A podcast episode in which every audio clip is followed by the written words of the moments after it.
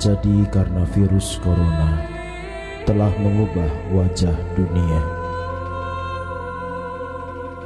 Jutaan orang terinfeksi, bahkan tidak sedikit nyawa melayang.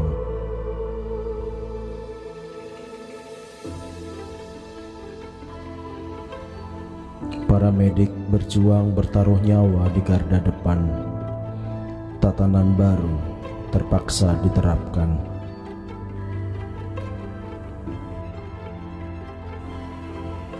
Kota mendadak sepi, penerbangan dibatalkan, perekonomian terjun bebas, jutaan orang kehilangan pekerjaannya. Semua tatanan yang telah dibangun selama ini runtuh. Segala sesuatu yang dibangun menjadi sia-sia. Tetapi apakah segala sesuatu sungguh sia-sia? Tidakkah ada lagi harapan untuk kita, untuk dunia, dan masa depan bersama? Sungguhkah yang tersisa hanya kesia-siaan belaka? Kitab Pengkhotbah adalah satu kitab di dalam Alkitab yang bicara tentang kesia-siaan. Setiap Kamis pagi kita akan belajar dari kitab Pengkhotbah bersama saya, Pendeta Adon Syukmana.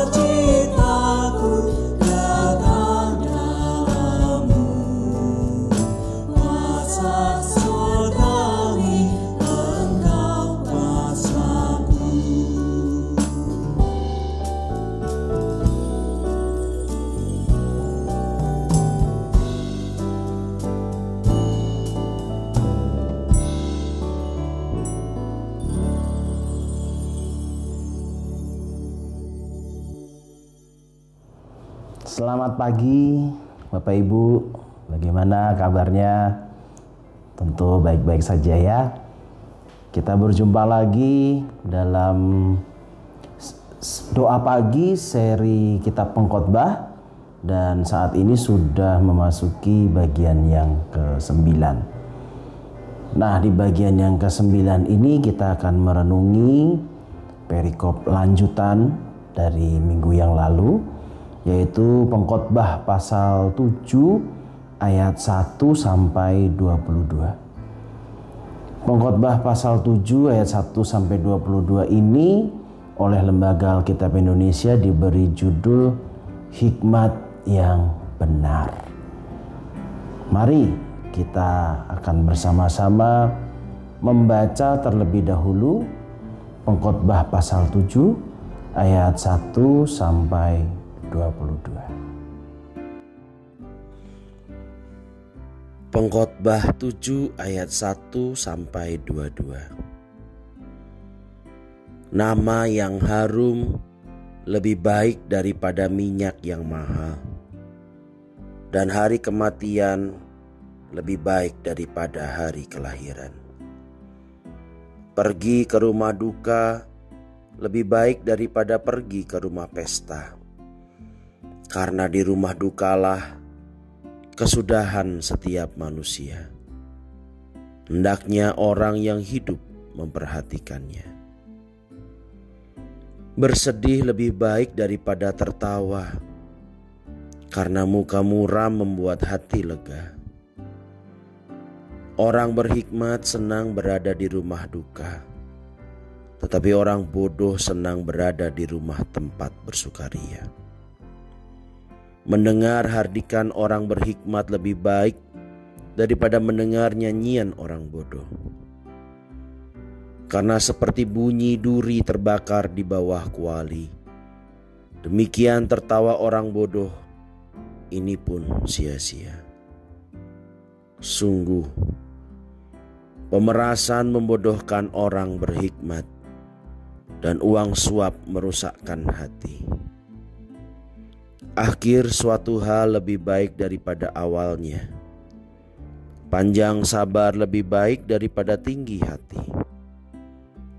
Janganlah lekas-lekas marah dalam hati, karena amarah menetap dalam dada orang bodoh.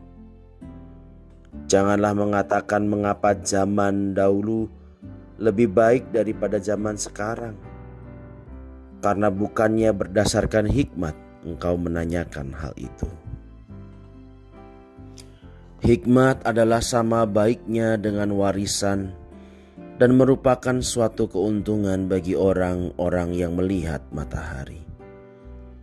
Karena perlindungan hikmat adalah seperti perlindungan uang, dan beruntunglah yang mengetahui bahwa hikmat memelihara hidup pemilik-pemiliknya. Perhatikanlah pekerjaan Allah. Siapakah dapat meluruskan apa yang telah dibengkokkannya? Pada hari mujur bergembiralah, tetapi pada hari malang ingatlah bahwa hari malang ini pun dijadikan Allah seperti juga hari mujur supaya manusia tidak dapat menemukan suatu mengenai masa depannya. Dalam hidupku yang sia-sia, aku telah melihat segala hal ini. Ada orang saleh yang binasa dalam kesalehannya.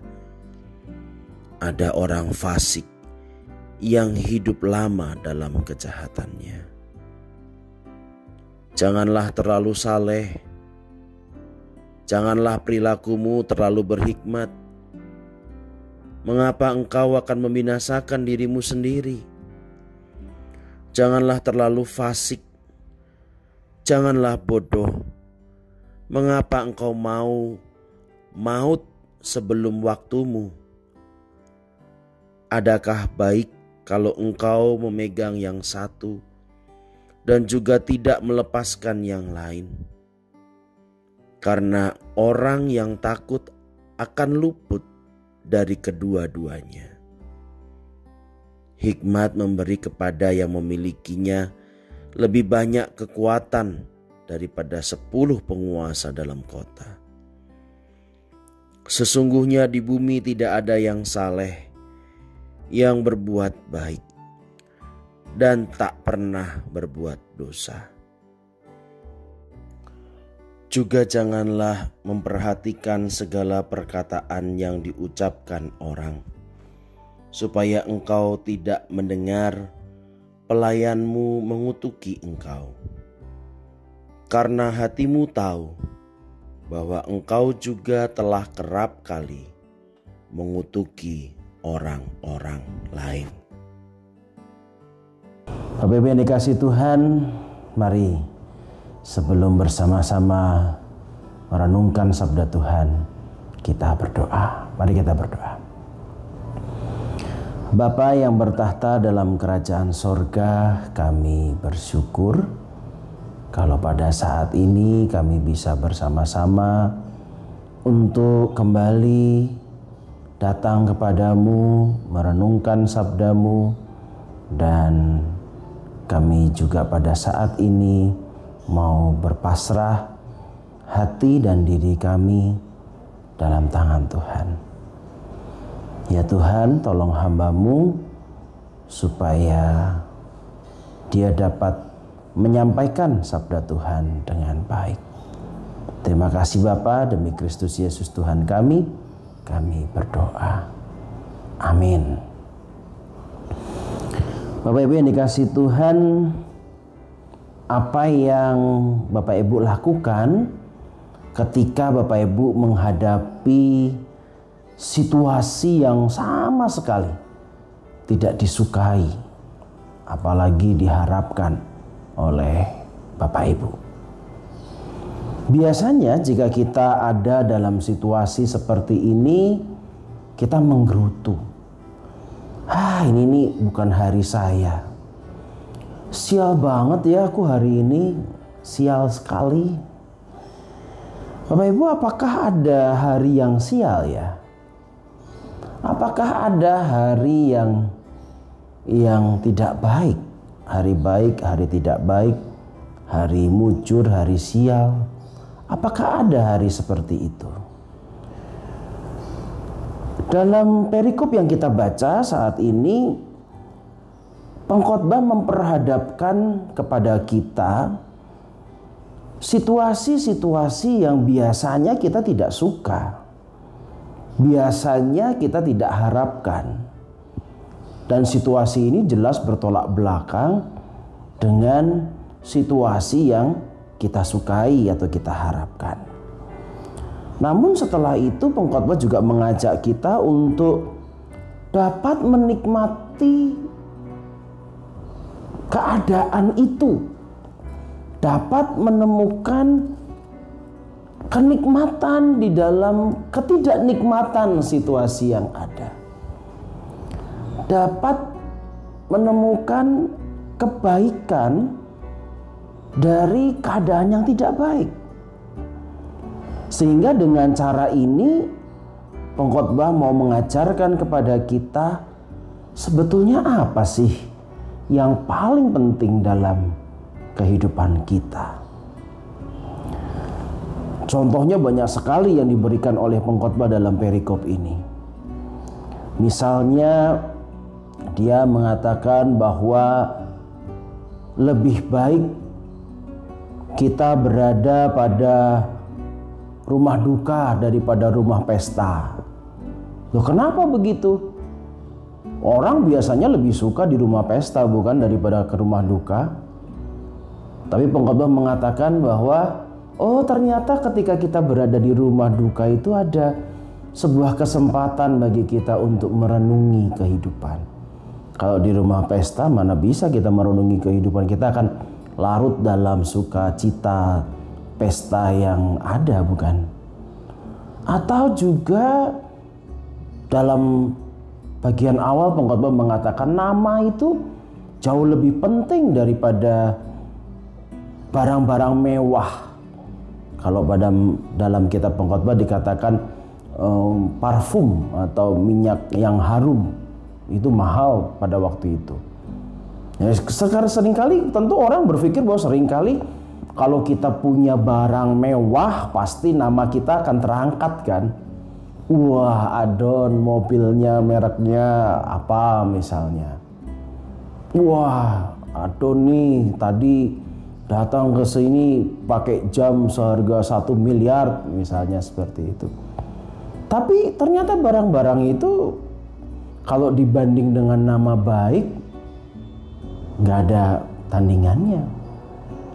Nama baik itu jauh lebih penting ketimbang kalau kita uh, mengejar atau memiliki barang-barang mewah yang hanya mendongkrak nama kita sementara saja.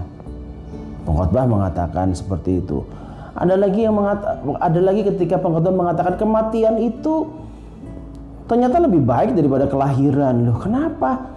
Karena setiap kelahiran akan berujung pada kematian mau bagaimana caranya kita mat, uh, lahir nggak nggak terlalu menjadi soal. Tapi yang menjadi soal adalah bagaimana nanti kita akan mati itu yang jadi persoalan. Jadi Bapak Ibu sering kali kita berpikir bahwa aduh siapa sih yang mau mati? Aduh enak kan punya barang-barang mewah. Aduh ke rumah pesta pasti lebih suka dong ketimbang rumah duka. Rumah duka kematian dan lain sebagainya itu kan sesuatu situasi yang tidak menyenangkan, tetapi ternyata pengkhotbah bisa menemukan kebaikan-kebaikan dalam situasi yang tidak menyenangkan itu. Nah, Bapak Ibu yang dikasih Tuhan, masih banyak sekali keadaan-keadaan atau kondisi-kondisi yang biasanya kita hindari atau bahkan kita tolak. Tapi pengkhotbah mau mengajarkan kepada kita bahwa kondisi-kondisi atau situasi-situasi yang tidak menyenangkan itu yang kita pikir tidak baik itu justru adalah situasi-situasi atau kondisi-kondisi yang sebenarnya juga ada kebaikannya.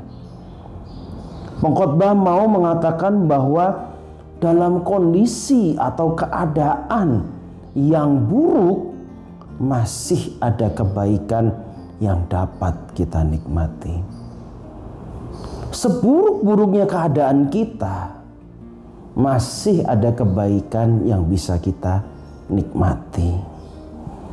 Oleh sebab itu, bagi pengkhotbah tidak ada yang namanya hari baik atau hari tidak baik, hari sial atau hari mujur, tidak ada. Semua hari baik. Kenapa begitu? Ya nggak ada keadaan yang sial. Atau nggak ada keadaan yang namanya mujur. Semuanya baik semuanya sama saja. Setiap hari setiap situasi setiap keadaan dijadikan Tuhan diizinkan Tuhan untuk terjadi. Loh kenapa kok Tuhan mengizinkan hal itu terjadi? Kenapa Tuhan mengizinkan kadang-kadang situasi yang kita tidak sukai itu terjadi?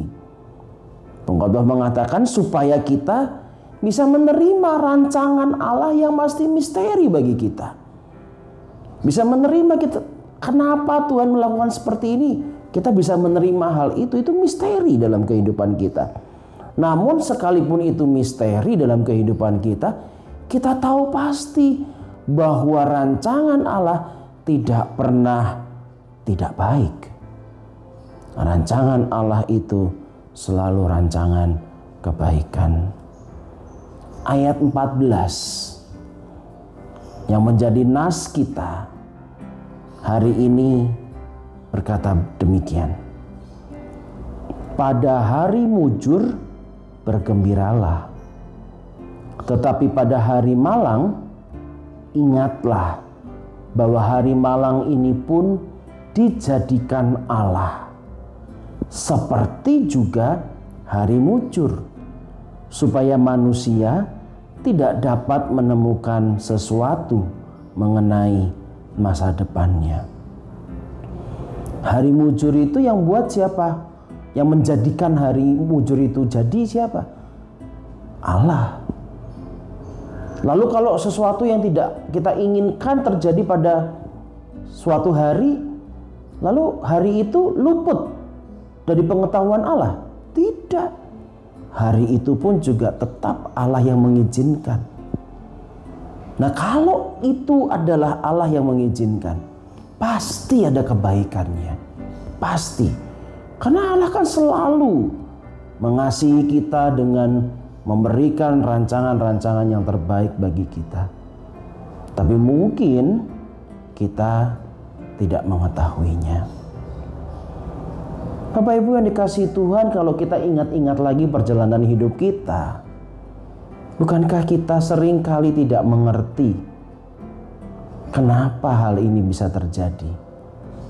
Tapi setelah kita melewatinya berhari-hari, berbulan-bulan, bertahun-tahun, baru kita bisa memahami, oh ternyata dalam rencana Allah.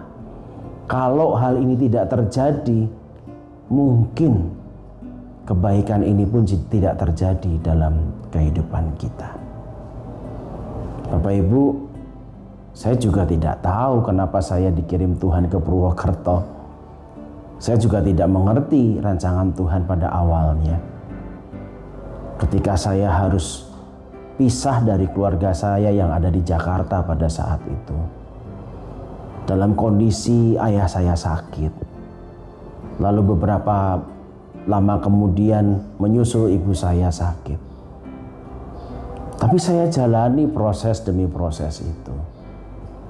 Setelah kemudian semuanya lewat, saya baru mengerti. Seandainya saya tidak dikirim ke Purwokerto, mungkin saya tidak menemukan keluarga yang seperti saat ini saya hidupi sekarang ini. Banyak rancangan Tuhan yang tersembunyi di ujung jalan. Kita tidak tahu. Tapi kita percaya yang paling buruk dalam kehidupan kita terjadi sekalipun itu masih ada kebaikan untuk kita. Nah, sekarang kalau kita menghadapi corona ini dan selalu ada pertanyaan, kenapa Tuhan? Kenapa Tuhan? Bayangkan Tuhan, gara-gara corona ini saya kehilangan pekerjaan. Bayangkan Tuhan, gara-gara corona ini saya kehilangan orang yang saya kasih. Bayangkan Tuhan, gara-gara corona ini gereja saya tutup. Saya harus beribadah, berdoa pagi dengan YouTube. Sedangkan teman-teman saya, saya sudah tidak lama, lama sekali saya sudah tidak ketemu. Apa yang baik dari corona ini? Bapak Ibu pasti ada. Sekalipun mungkin saat ini itu masih menjadi misteri bagi kita. Pasti ada. Kalau corona ini diizinkan oleh ter, terjadi oleh Tuhan, saya meyakini pasti ada rancangan Tuhan yang baik. Sekalipun jujur, saya harus mengakui sebagai manusia, saya belum tahu apa rancangan yang paling baik di balik semua pandemi ini. Tapi saya percaya tidak ada maksud Tuhan yang jahat untuk kita. Amin. Kita berdoa. Bapa dalam sorga kami mengucap syukur. Kalau pagi hari ini kami diingatkan kembali. Seburuk-buruknya hidup yang saat ini kami jalani. Pasti ada kebaikannya. Pasti ada berkat di balik itu semua. Kami percaya dengan hikmat Tuhan kami akan dimampukan untuk melihat kebaikan Tuhan dalam rancangan-rancangan Tuhan ini. Ya Tuhan tolong kami supaya kami bisa mengerti hikmat Tuhan ini dan menerima setiap rancangan yang Tuhan rancangan dalam hidup kami. Hari ini kami akan menjalani kehidupan kami dengan sebuah kepastian. Tidak ada rancangan kecelakaan tidak ada hari yang sial, tidak ada hari yang buruk. Semua hari Tuhan jadikan dengan kebaikan yang Tuhan rancangan kepada kami. Karena itu, kami akan menatap hari ini dan menjalani hari ini dengan kepastian bahwa segala kebaikan dan berkat Tuhan menyertai kami. Berkati pekerjaan kami Tuhan. Berkati, berkati karya kami Tuhan hari ini. Kami percaya Tuhan sendiri yang ada di tengah-tengah pekerjaan kami, karya kami, hidup kami, nafas kami. Sehingga semua apa yang kami lakukan pada hari ini memuliakan Tuhan. Terima kasih Tuhan. Dalam nama Tuhan kami Yesus Kristus, kami berdoa, kami mengucap syukur, dan kami memulai hari ini dengan percaya segala sesuatu yang dijadikan Tuhan adalah baik. Terima kasih Bapak. Amin. Bapak Ibu yang dikasih Tuhan, demikianlah Permenungan kita pada hari ini seri kita pengkhotbah bagian yang ke-9. Kita ketemu lagi minggu depan dan tetap terus meyakini bahwa Bapak Ibu pasti bisa menemukan kebaikan di dalam keadaan yang tidak baik. Masih ada sebuah harapan. Masih ada kenikmatan hidup yang kita bisa nikmati dalam setiap keadaan hidup kita. Tuhan memberkati dan kita akan ketemu lagi minggu depan. Shalom.